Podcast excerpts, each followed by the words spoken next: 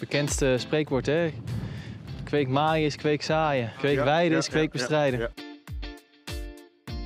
Eh, als dat continu bouwland nou eens zouden opheffen. Weg met het continu bouwland. Hoe oud is dit eh, grasland?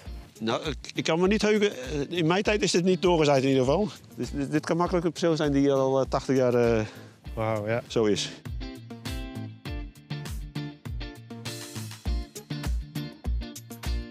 Welkom bij de Bodempodcast, de podcast voor boeren over duurzaam bodembeheer.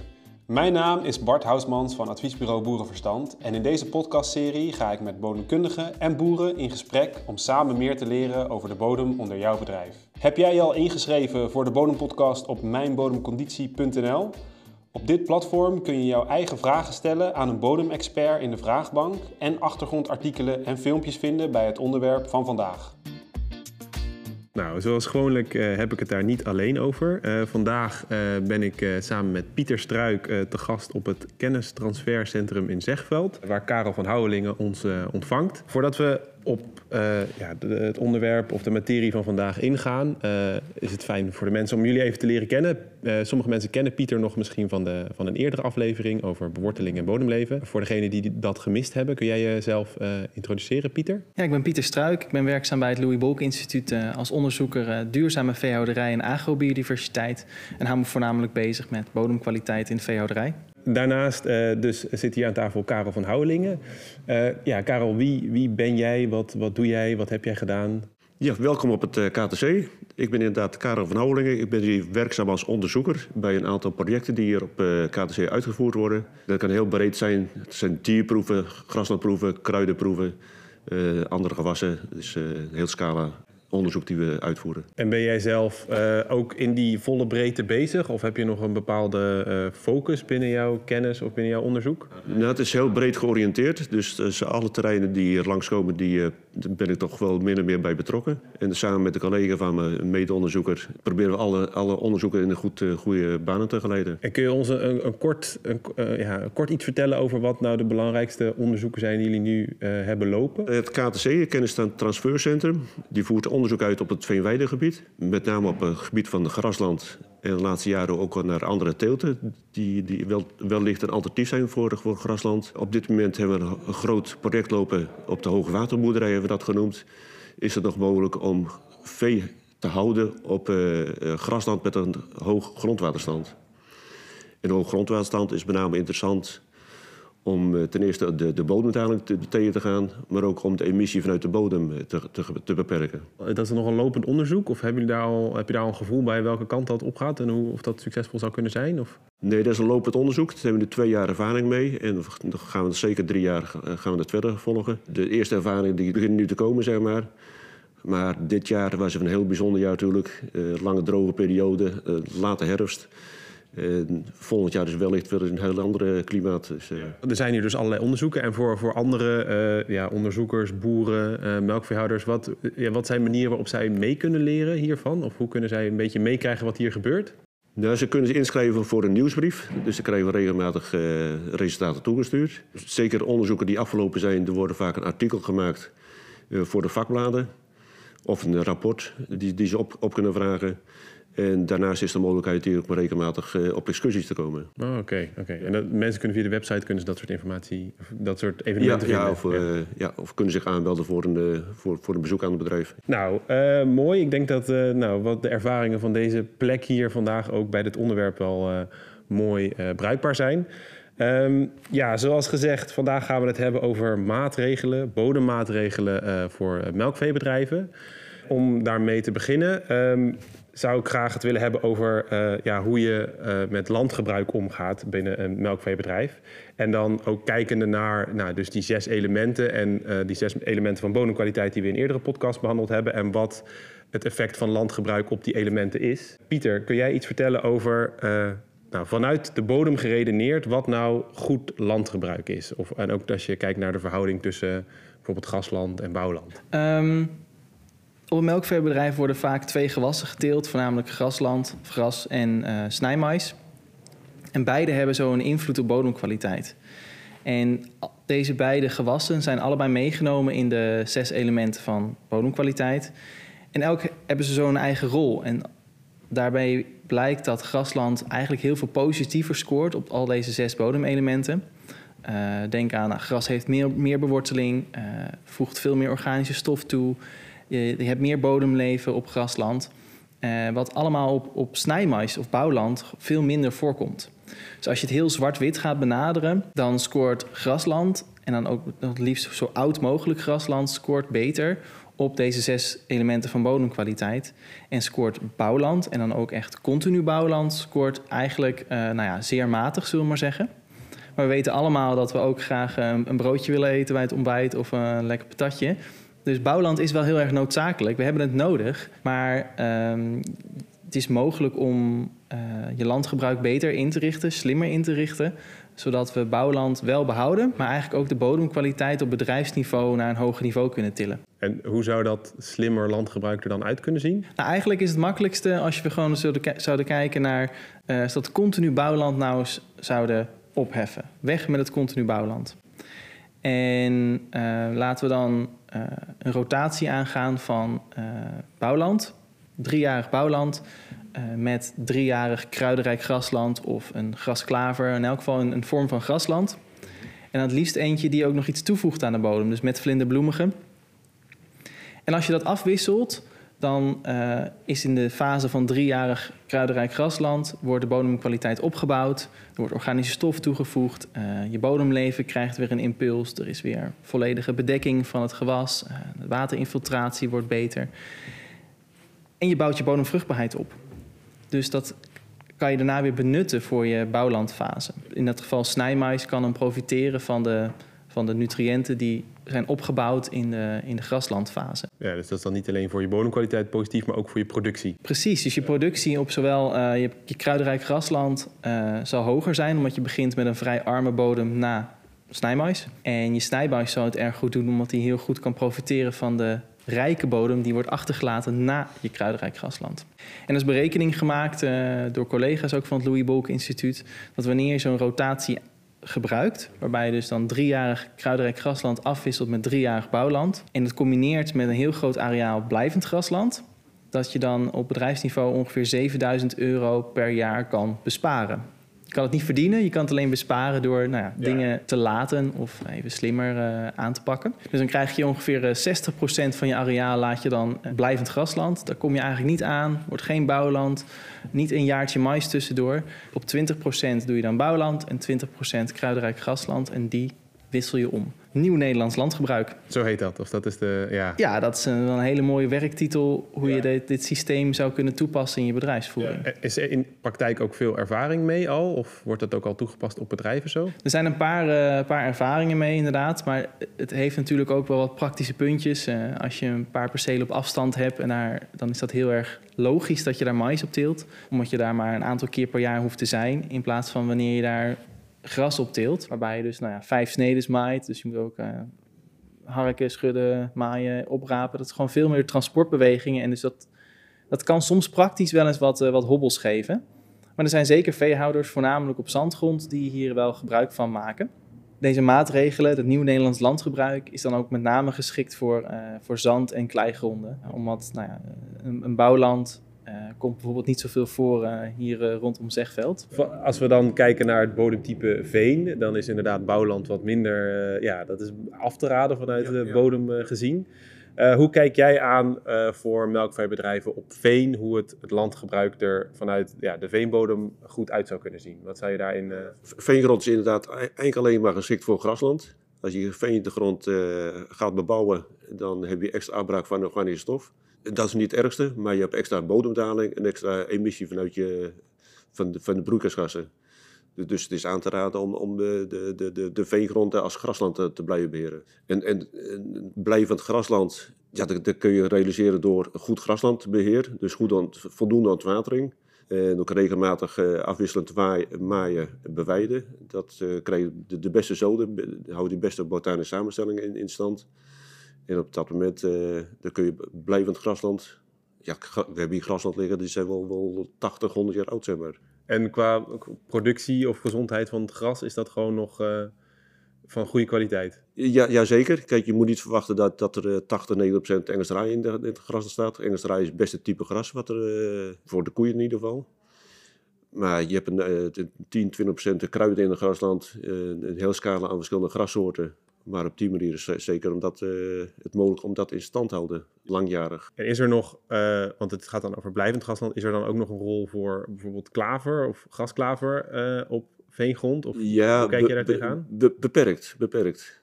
Kijk, klaver gedijt best op uh, de gronden die weinig stikstof krijgen. vanuit de veebodem, dan heb je mineralisatie in de zomer. Dus dan heb je van nature al stikstof uit de bodem, zeg maar. En die concurreren dan met de, de, de klaver. Groot aandeel klaver op veengrond moet je eigenlijk niet verwachten. Maar... Nee, dus ik bedoel, het is, het is dan niet realistisch? Of het, het, het is nee, nee, precies. Nee. nee, nee.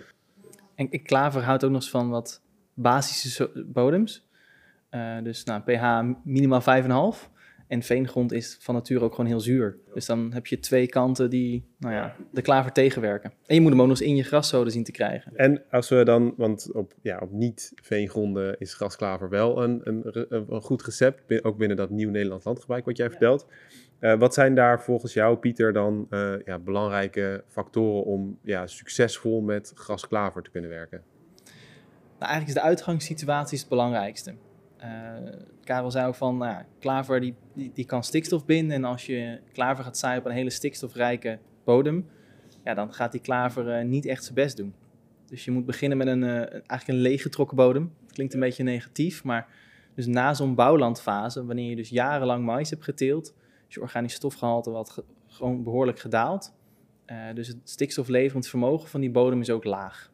En dat is een perfecte uitgangssituatie voor klavers, maar ook voor kruiden die, um, het zijn eigenlijk allemaal pioniersplanten, dus die doen het goed in, een, in een, uh, ja, een, een, kale, lege bodem. En die kunnen dan lekker vlot weggroeien. En um, op die manier zal er een mooie, mooie mat aan kruidenrijk grasland of grasklaver ontstaan.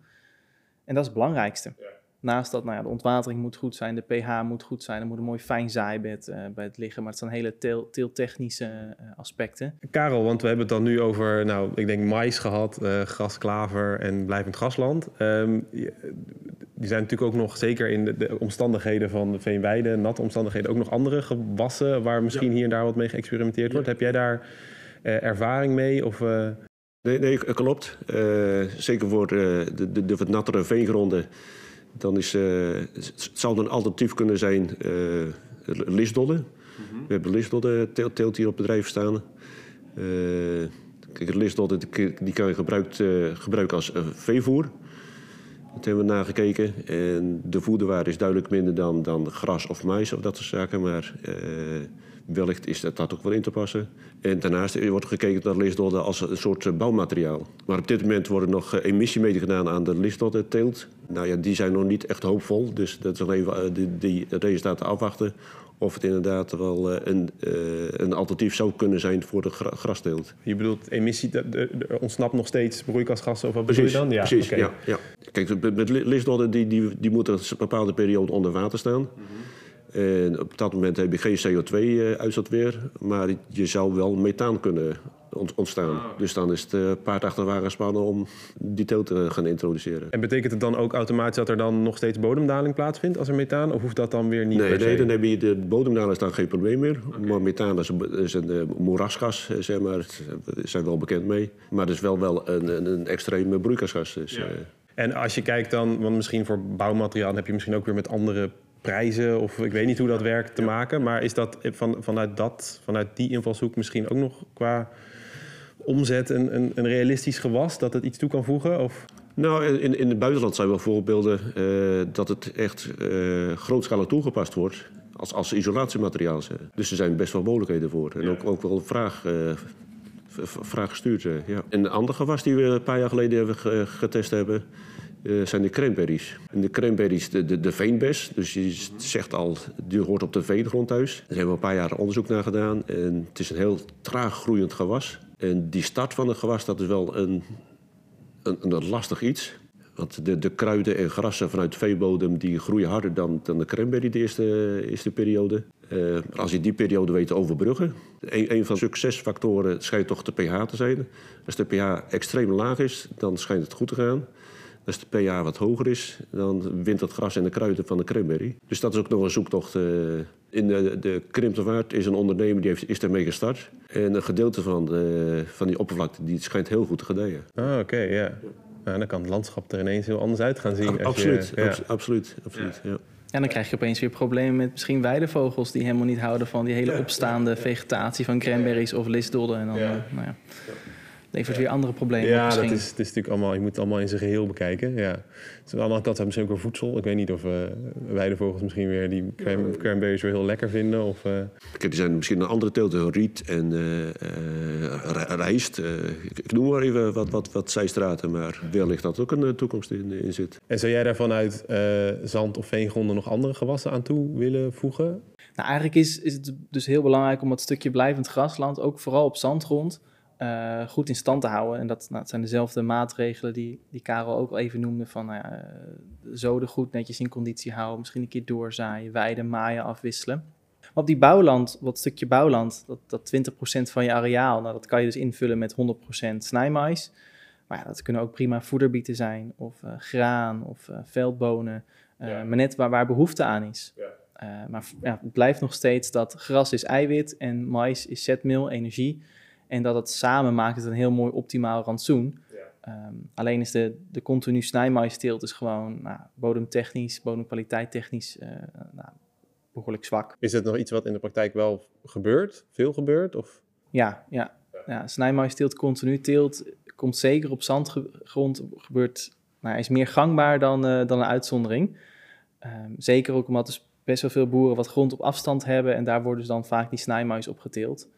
Uh, of um, men denkt van, nou, ik heb een perceel grasland, de kwaliteit is een beetje matig, weet je wat we doen? Hup, één jaartje mais er tussendoor en dan zijn we daarna weer opnieuw in. Nou, en dat is bijvoorbeeld een heel groot risico op stikstofverliezen, uh, die dus dan nou ja, niet benut kunnen worden binnen de bedrijfsvoering. Nou, stikstof is best wel schaars, nu ook heel duur. Um, dus ja, laat het vooral zoveel mogelijk binnen het systeem houden. En nou, blijf dus af van dat blijvend grasland. En als het heel slecht is, doe dan gras op gras. Uh, dan heb je zo min mogelijk stikstof verliezen. En uh, probeer uh, nou, het kruidenrijk grasland met, die, met het bouwland netjes te roteren. Dan, dan kan je bijvoorbeeld het eerste jaar na de, na de grasklaver of het kruidenrijk grasland kan je toe zonder mest, geheel. Want zoveel zit er dan in die bodem, die is opgebouwd door al die klavers, grassen en kruiden. en die drijfmest en kunstmest kan je daarna weer bijvoorbeeld inzetten op je blijvend grasland achter de stal. En dat gras dat kan dat extra beetje drijfmest prima gebruiken. Dus daardoor wordt het efficiënter. Is het dus mogelijk om besparingen op te leveren op bedrijfsniveau. Nou, mooie boodschap. En ik denk inderdaad wel, zoom een beetje uit. En dan dit, ja, die, die neiging om dan even een jaar mais tussendoor, die kan groot zijn of dat kan dan ook een beetje gemak zijn. Maar ja. als, je het, als je wat uitzoomt, dan ga je misschien andere keuzes maken daarin. Zeker, ja. Dus ik denk dat ook... Uh, wat extra informatie uh, wel op de, op de website uh, kan komen te staan over ja. hoe, hoe, de alle ins en outs werken van het nieuwe Nederlands landgebruik. Ja, daar zullen we wat uh, van online zetten. Dan wou ik het hebben over een ander aspect binnen melkveebedrijven in relatie tot bodemkwaliteit. Dat is namelijk bewijden, bewijding. Um, ja, een eerste, eerst een wat bredere vraag. wat, wat is grofweg het effect van bewijden op de bodem? Karel, misschien kun jij daar in eerste instantie ja, over zeggen? Ja. Kijk, bewijden, zeker op veengrond, is ontzettend belangrijk. Uh, als, als percelen bewijd worden, dan krijg je een stevige graszode. Dat gras dat stoelt uit en ja, dan krijg je gewoon, gewoon heel dichte zoden. En een dichte zoden, uh, dat geeft gewoon extra draagkracht. En draagkracht in veengrond, zeker in, in de herfst en het voorjaar, is dat ontzettend belangrijk.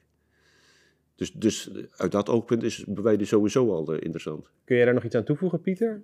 Nou, die dichte zoden zorgt er ook voor dat de grassen die je wil hebben, die blijven staan. En hoe minder open plekken je hebt, dus ook hoe minder onkruiden er kunnen kiemen of ongewenste soorten.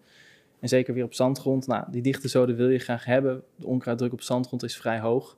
Uh, dus nou ja, hoe meer gras, goed grasje hebt, uh, hoe beter. En dus hoe meer je grasland uh, in conditie blijft en langer kan blijven liggen. En daarnaast is het wel eens spannend, want ook in de, el elk jaar hebben we een periode dat je toch zeker de vertrapping krijgt van, van de grasland.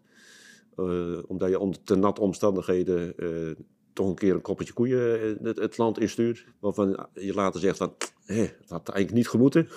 Eh, het, het voordeel van veengrond is, zeker de pure veengrond, als je op het juiste moment weet te, rollen, zeg maar, met de, de, de machines het, eh, het land weer vlakt, dan is de schade weer heel minimaal. Weet je weer goed, goed eh, te, te herstellen als het ware. Waar vind je dat juiste moment? Of hoe weet je Ja, dat, dat, het, dat, eh, dat, is een stukje vakmanschap. De, de, de grond moet wel plastisch zijn, maar niet, eh, niet vloeibaar.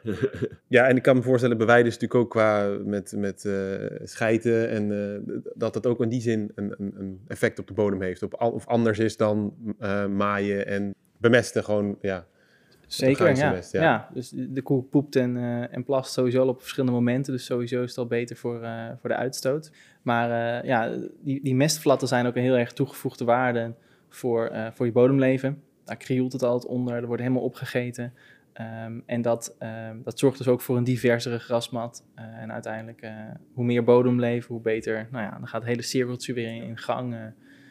meer betere bodemstructuur, betere waterinfiltratie. Dus bewijding draagt daar wel degelijk aan bij. En dat Nieuw-Nederlands landgebruik. Heeft dat, eh, zegt dat ook nog iets over bewijden? Of hoe past bewijden daarin? Daarom is het belangrijk dat je dus het stuk 60% blijvend grasland, dat moet je huiskavel zijn. Moet niet natuurlijk, maar als je graag wil bewijden is het belangrijk dat je voldoende bewijdbaar oppervlakte hebt. En dat is wel fijn eh, als dat gewoon gras is. Dus dat je niet eens in de drie jaar opeens eh, een blok mais eh, direct achter de stal hebt liggen en de koeien kunnen opeens niet meer goed, goed weiden. En daarbij is als je grasklaver met ook veel rode klaver, die heel productief is, of kruidenrijk grasland pakt, eh, die kunnen niet geweldig tegen bepaalde vormen van bewijden. Dus de kans dat de kruiden en rode klaver dan sneller verdwijnen is groter. Vandaar dat ehm, eh, deze per se dan makkelijker gemaaid kunnen worden om ze dus nou ja, productief te houden en dat je ook daadwerkelijk de voordelen van deze klavers en kruiden eh, behoudt. Ehm, en, want er zijn natuurlijk, er zijn, nou, ik, noem, ik noemde net per ongeluk Nieuw-Nederlands weiden, maar je hebt ook nog, je hebt allerlei manieren van bewijden met hoe lang je koeien waar laat staan en hoe je ze roteert. Hebben jullie daar ervaring mee hier eh, op Zegveld? Nou, de, de laatste jaren eh, passen we ook dat systeem van Nieuw-Nederlands weiden toe. Dat betekent eigenlijk dat eh, elke dag een koeien een nieuw perceel kregen. Na een week ongeveer, dan komen ze weer terug op het, het, het, oude perceel. Dus er zitten zes, zeven, acht percelen in het rotatie.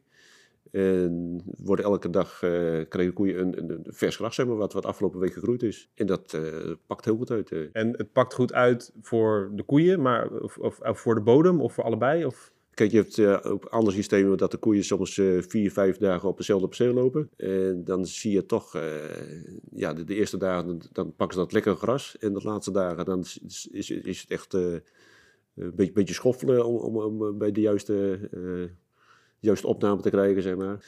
En met, met het roterend weiden, dan is, je hele vlakke opname. En dan veel ook een, een stabielere grasmat, eh, denk ik, ja. Ehm, heb jij er nog vanuit eh, zand, klei iets aan eh, toe te voegen? Of, of, er- of persoonlijke ervaringen met, met, ja, met die manieren van bewijden? Nou ja, eh, als je ehm, stripgrazen, dat is eigenlijk de meest, eh, misschien ook de meest arbeidsintensieve vorm vaak van bewijden. Maar het, het- dat lijkt het meest op maaien. De koeien gaan erin, ze vreten alles en ze gaan er weer uit. En ze komen dan na nou, drie weken nog een keertje terug. Maar om ze een beperkt oppervlak te krijgen en elke keer krijgen ze echt een, een schoon stukje, soms wel vijf keer per dag een schone strook, strip erbij, eh, wordt echt alles heel mooi schoon opgegeten. eh, waardoor alles benut wordt eh, en ook eh, alles nou, netjes afgegraasd, waardoor je, je, je, je grassenbestand vaak ook beter blijft. Maar ja, dat, dat kan niet overal. Ja, nee, dat, dat klopt. Maar het is behoorlijk arbeidsintensief. En eh stripgrazen wordt wel vaker te, te- toegepast. Maar er wordt elke keer de strip, de oppervlakte wordt wat vergroot. Ja, met een achterdraad kan precies, je nog, precies. Maar die, die, wordt vaak vergeten of, of, of blijft achterwege, zeg maar. En dan, en dan maar is maar het voordeel systeem, minder. systeem werkt wel, zeker. Ja. Ja. Dus het is alleen een kwestie van heb je er de tijd en de energie voor. En, want ja, het werkt alleen als je het echt heel consistent en goed... eh, dat stripgrazen met achterdraad, dat werkt bijvoorbeeld beter bij kruidenrijk grasland. Omdat dat nou ja, bijna, bijna lijkt op maaien, want de koeien komen er maar relatief kort en gaan er dan weer uit. Omdat ze dan weer naar de volgende strip gaan. Nou, dan heb ik, wou ik het nu graag nog hebben over eh draineren, drainage, eigenlijk het stukje waterhuishouding. Dat is natuurlijk ook bij veen eh, ja, ontzettend belangrijk. Nou, als eerste vraag, en die is misschien in eerste instantie voor Pieter, wat is het belang van, van drainage of van, ja, van een goede drainage? Ja, goede ontwatering als ik dan ietsjes breder kan trekken. Ja, uiteindelijk hebben, hebben wortels lucht nodig. En waar water zit, zit geen lucht. En dus zullen wortels afsterven. Uh, er komen zuurstofloze plekken. Dat wordt heel hard. Uh, de, ja, de bodem blijft lang koud. Waardoor de gewasgroei gewoon later op gang komt. Uh, sowieso wil je natuurlijk geen plast op het land hebben. dan kan je ook nog nou, emissies krijgen. Dus überhaupt een goede ontwatering is gewoon heel erg belangrijk. Um, en nou, op zandgrond is drainage vaak niet nodig. Die zijn vaak drainerend genoeg van zichzelf. Maar kleigrond kan dat zeker wel, wel spelen. Voornamelijk om meer draagkracht te creëren, maar ook nou, iets vroeger kunnen starten met beweiden of uh, bemesten in het voorjaar. Maar het is veel belangrijker, uh, veel groter onderwerp op veengrond. Ja. Ja, Karel, kan jij iets vertellen over hoe jullie daar hier mee bezig zijn en wat, nou ja, jullie ervaringen zijn? Ten, ten eerste draineren als afwateren. Uh, van oudsher werd dat gedaan door, door de sloten en de greppels die, uh, die aanwezig zijn in het gebied. Percelen zijn vaak 40 tot 60 meter breed en dan uh, met één of twee greppels om, om, om het, de overschot aan water af te voeren. En dat is vooral om te voorkomen dat er plas op, de, op, het veld blijven staan. Plassen en grasland, dat is funest als het ware, als dat lang, lang duurt. Maar dan zagen we ook dat, dat in, de, in de droge zomerperiode het, het, het, grondwater zo diep wegzakt... dat ten eerste het gewas niet meer kan benutten. En ten tweede ook dat je daardoor een, een, een hele grote uh, afbraak van je organische stoffen vanuit de bodem krijgt. In 2003 toen, het was een heel droog jaar. De, de wat oudere boeren, eh, oudere mensen, die uh, weten dat misschien nog te herinneren. En toen zo zagen we wel uh, dalingen van de veegrond van centimeters in, in, in die zomerperiode. Dus toen uh, het aantal onderzoekers de koppen bij elkaar gestoken. Zeggen van hoe kunnen we dat gaan, gaan voorkomen? En ja, toen zijn we gestart met dat onderwaterdrainage, noemen we dat toen nog. Maar het is eigenlijk een infiltratiesysteem om te zorgen dat die, eh, dat die diepere veenlagen voldoende nat blijven in de droge periode. Hoe ziet dat, dat systeem eruit? Nou, dat zijn de, de, de traditionele drainagebuizen. Die liggen dan eh, op, op 60, 70 centimeter diep. En in eerste instantie zouden die buizen verbonden met de sloot, met de slootpeil. En dan gewoon vanuit de natuurlijke druk vanuit, het, uh, vanuit de sloot... kon dat die buizen, uh, via de buizen naar binnen stromen.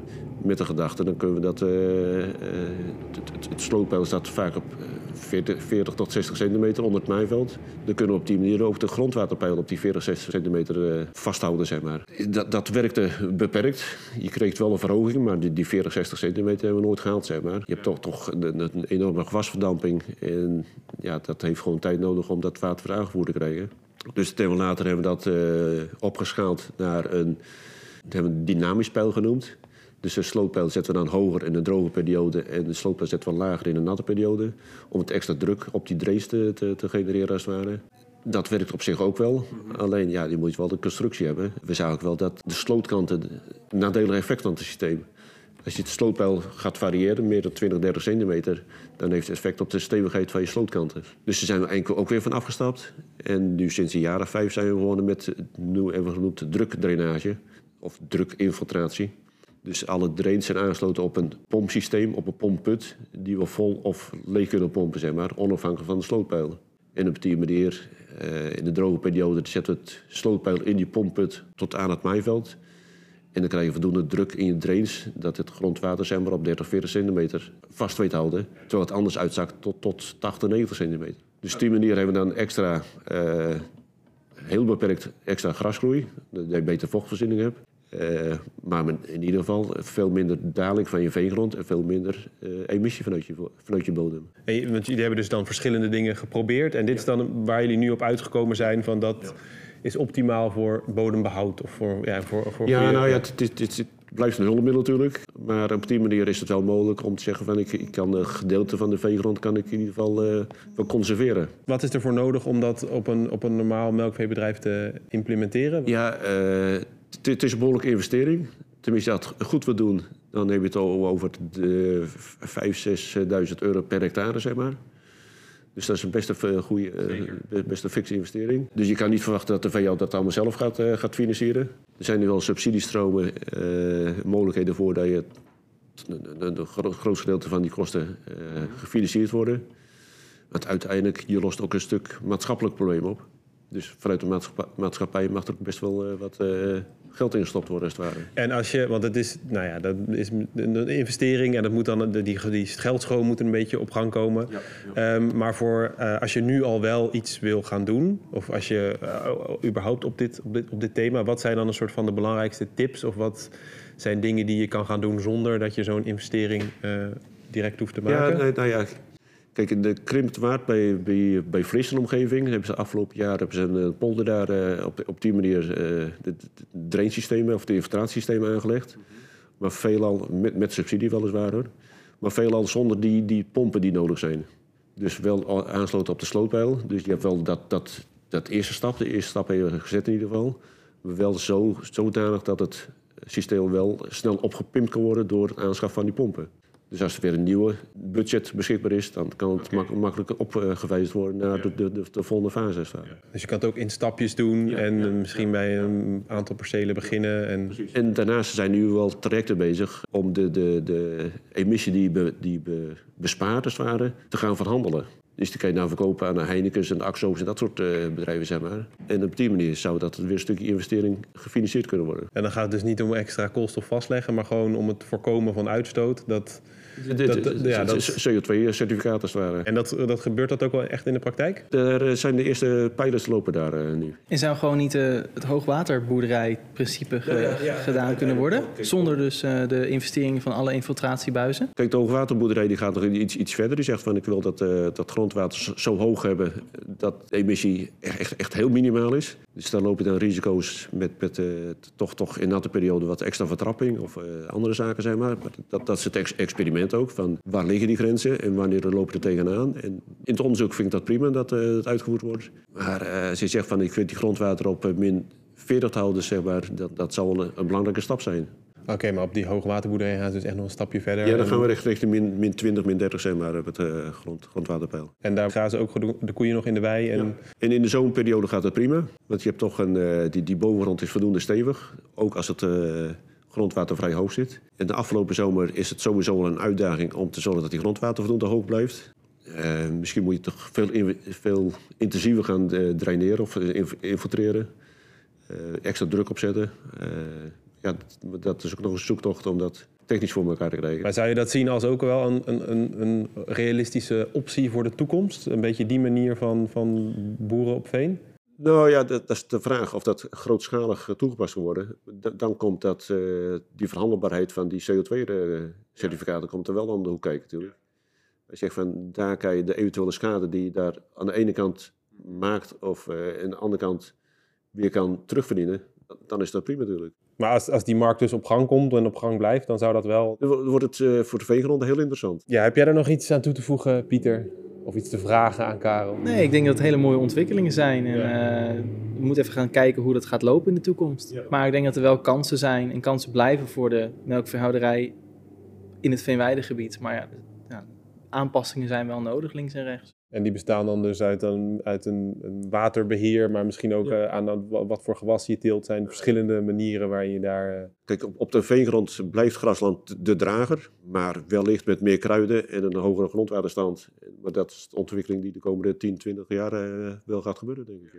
Oké, ehm, nou laten we misschien nu in het veld eens even gaan kijken of, eh, hoe de bodem er hier uitziet en eh, wat we misschien daar eventueel nog kunnen zien. Prima. Ja, ons bedrijf loopt van, vanaf het uh, Miscantisperceel tot voorbij die boerderij daar. Zo. Dat, dat, dat is de hoogwaterboerderij. Die, eh die locatie hebben we een paar jaar geleden gekocht van de buren. Die, die, die, die, die stopten met boeren. En dat gaat door tot aan die bosjes daar zo. Kijk, hier is goed te zien dat we verschillende slootpijlen hanteren. Hier hebben we een hoogslootpijl. Ja, Dat is eigenlijk het, po- het polderpijl. ja. En aan de andere kant hebben we een verlaagd slootpeil. Dus ook binnen het bedrijf hebben we dan eh, verschillende niveaus van ontwatering. Dus in deze percelen zijn ingericht voor die, eh, met, eh, het infiltratiesysteem bij hoog slootpeil. En deze perceel ben ingericht bij het infiltratiesysteem bij een laag slootpeil. Dan kijken of dat eh, verschil maakt. Dus ik dacht in dat perceel hiernaast even de putje te graven.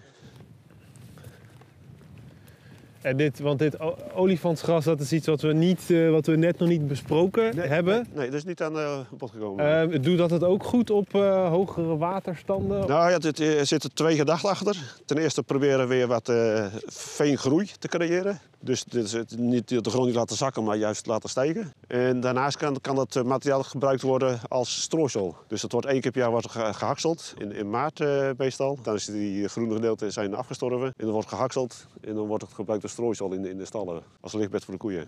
Maar dat is dus in de, in, in de context van veen is dat dus eigenlijk een bodemvormend Ja, gewas? ja. Of dat... Dat zou kunnen, ja. Ja, dat is de, Ja. dat is de hypothese. Precies, Ja. precies.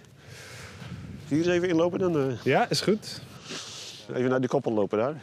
De restkoppel. Dus er lopen en Jerseys en Holsteins en uh, Laarkoppen lopen daarin. En ze lopen dus nog buiten, zo halverwege november. Dat is heel bijzonder. Is bo- bodem... Ja, je ziet natuurlijk andere dingen op veen dan op... eh, maar is de beoordeling anders? Want anders is het misschien wel goed om dat even... De beoordeling is op zich niet anders. Ja, je hebt hier geen scherpblokkige elementen. Dat bestaat gewoon niet eens. Pak je dans aan, dan voel je wel. eh, Ja, je voelt hem trillen.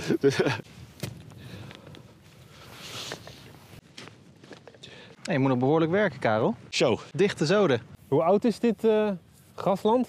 Nou, ik, ik kan me niet heugen. eh, In mijn tijd is dit niet doorgezaaid in ieder geval. Dus dit, dit kan makkelijk een persoon zijn die al eh, 80 jaar eh, Wauw, ja. zo is. Zou je nog een nieuw kluitje eruit kunnen halen? Want deze. Ja, nee, ik, ik ga, nog- ga dieper.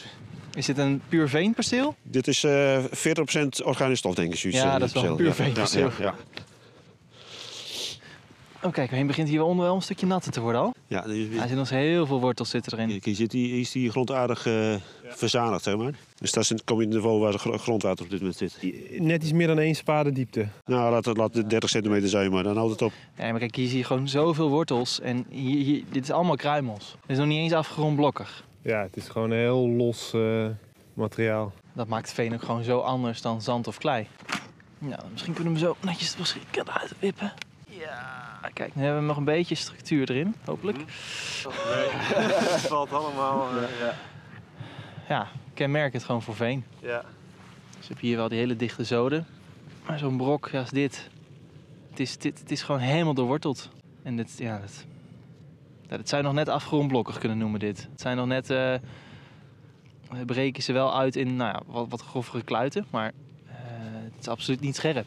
Maar dat komt dan dus ook waarschijnlijk omdat, het, omdat die, dat grasland hier dus misschien al eh 80... eh, het is enerzijds veen, maar ook dat het gewoon het grasland beheert. Ja, kijk, wij hebben hier de greppel. Dus voor de afwatering zo- zorgt die greppel, zeg maar. Kijk, in natte periode dan, dan is dit wel soppig, maar dan blijven niet langdurig eh, plassen staan. Want dan sterft die gras af en dan krijg je een heel andere, ja, ook een heel an- andere structuur van je bodem, eh, denk ik. Ja, en denitrificatie, dat wil je sowieso niet. Precies.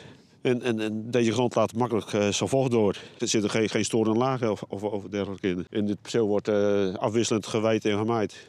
Nou, hier lopen, lopen de koeien misschien zes, zeven keer. Er wordt één, twee keer per jaar gemaaid, zeg maar. Maar dan, dan, dan, dan krijg je dit soort eh, vegetatie. Er staat een muur. Kijk, er staat overal staan de kruiden in. Hè. Het zijn misschien niet de, de, de kruiden die, die je tegenwoordig in, inza- inzaaien. Maar er staat wel eh 10, 20 procent kruiden staat in dit perceel. Het zijn kruiden die het hier van nature goed doen. Ja, precies. De mu- muur, boterbloemen zie ik erachter staan.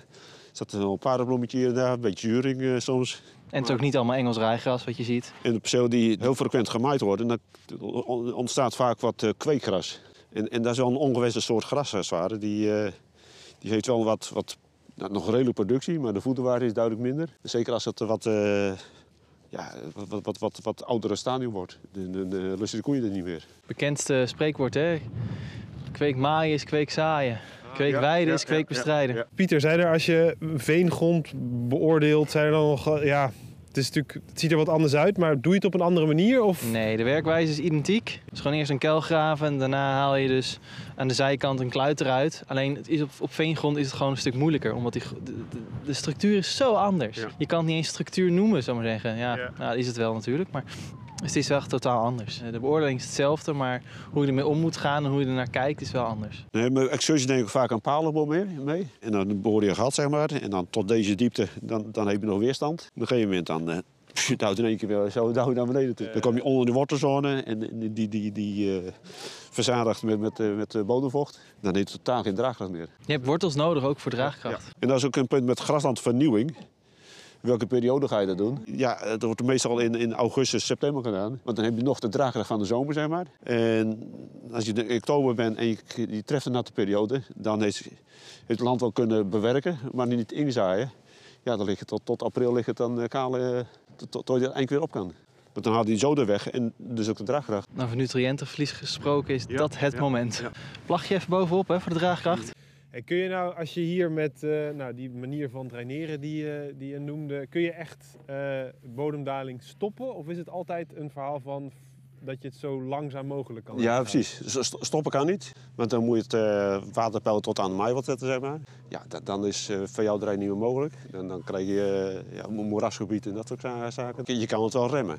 We denken dat je het zeker kan halveren. Misschien wel, wel, misschien nog wel meer, tot, tot 60, 70 procent tot, eh, de, de daling reduceren, zeg maar. Ja. En wat hou je dan nog over eh, aan daling per jaar? Wat is dan- Eh, percelen die heel goed tot water zijn, tenminste bij een la- laag slootpeil, dat varieert mm, ja, per jaar uiteraard. Maar zeg maar gemiddeld 1 centimeter per jaar, bodemdaling. En bij een perceel met een hoog slootpeil is het ongeveer een halve centimeter per jaar. Dus over generatie gezien is dat toch fors. En als je dat weet te halveren, ja, dan is het toch een belangrijke winst. We zitten nu, nu al eh, bijna twee meter onder NAP. En ja, de zeespiegel die gaat stijgen, eh, verwachten ze. De Ja. bodemdaling die, die gaat door. Dus ergens gaat dat wring natuurlijk. Dat proces willen we zo lang mogelijk uittrekken. Ja, precies, uit- ja. uitstellen. Ja. Nou ja, wie weet kunnen dan andere teelten kunnen dan ook nog eh, daar een rol in spelen. Ja. Nou, dank Pieter en dank Karel. Zo hebben we een mooi stukje bodembeheer op veen laten zien. Voordat we deze aflevering afsluiten, behandelen we weer het bodemdiertje van de week samen met Pieter Struik van het Louis Bolk Instituut. Eh, vandaag behandelen we de springstaart. Eh, Pieter, wat is een springstaart precies en wat doet het in de bodem? Een springstaart is een, ja, een klein beestje, een millimeter of vier groot. En het kan springen. Dat is nou, waarom ze een springstaart heten. En de bekendste springstaart is misschien wel zo'n klein beestje... wat bij jou in je plantenpot in de kamer staat. En zodra je ze dan water geeft, dan, dan schrikken ze... en dan springen ze uit, eh, uit de pot rond, zou maar zeggen. Hun functie is dat ze plantenresten afbreken, organisch materiaal. Dat doen ze allemaal. Ik zeg allemaal, er zijn drie groepen springstaarten. En allemaal eten ze dus die plantenresten... Maar één van die springstaarten eet ook eh, minerale delen. Dus dat is zand of klei. Naast dat de plantenresten die ze eten... en dan poepen ze dus een mengsel uit van nou ja, plantenresten en minerale delen. En die nutriënten uit die plantenresten zijn daarmee, daarmee gebonden aan die minerale delen. En daardoor ehm, zijn ze, leveren ze een, belangrijke bijdrage aan de, de humusopbouw, de stabiele humus. Dus degene die Ja. eh, daadwerkelijk eh langere periode blijft. En hoe kun je ze stimuleren wat hebben ze specifiek nodig? Springstaarten houden eh, ook van zo min mogelijk verstoring. En daarbij is eh, bijvoorbeeld weidegang is daar ook al, eh, zien we ook al een effect in dat de springstaartenpopulatie wat lager is dan als je bijvoorbeeld alleen zou maaien. En ze houden van nou, niet al te eh, intensieve omstandigheden. Gangbare eh, percelen, grasland, eh, die volledig bemest worden, daar zal, zullen minder springstaarten in voorkomen dan in een, nou, bijvoorbeeld een, een heel divers kruidenrijk en natuurperceel. Ja, oké. Leuk dat je luisterde naar deze aflevering van de Bodem Podcast. Heb je vragen naar aanleiding van de podcast van vandaag? Ga dan naar www.mijnbodemconditie.nl en stel jouw vraag in de vraagbank aan een bodemkundige. Op dit platform kun je daarnaast een filmpje bekijken van de kuil die we vandaag gegraven hebben, je aanmelden voor de podcastserie om zo op de hoogte te blijven en je kunt er achtergrondinformatie vinden. Deelname aan de podcast en het platform mijnbodemconditie.nl is kosteloos en wordt mogelijk gemaakt door het ministerie van Landbouw, Natuur en Voedselkwaliteit. Volgende week verschijnt de volgende aflevering van de Bodem Podcast. Dan gaan we het op een akkerbouwbedrijf hebben over het onderwerp groenbemesters. Tot volgende week.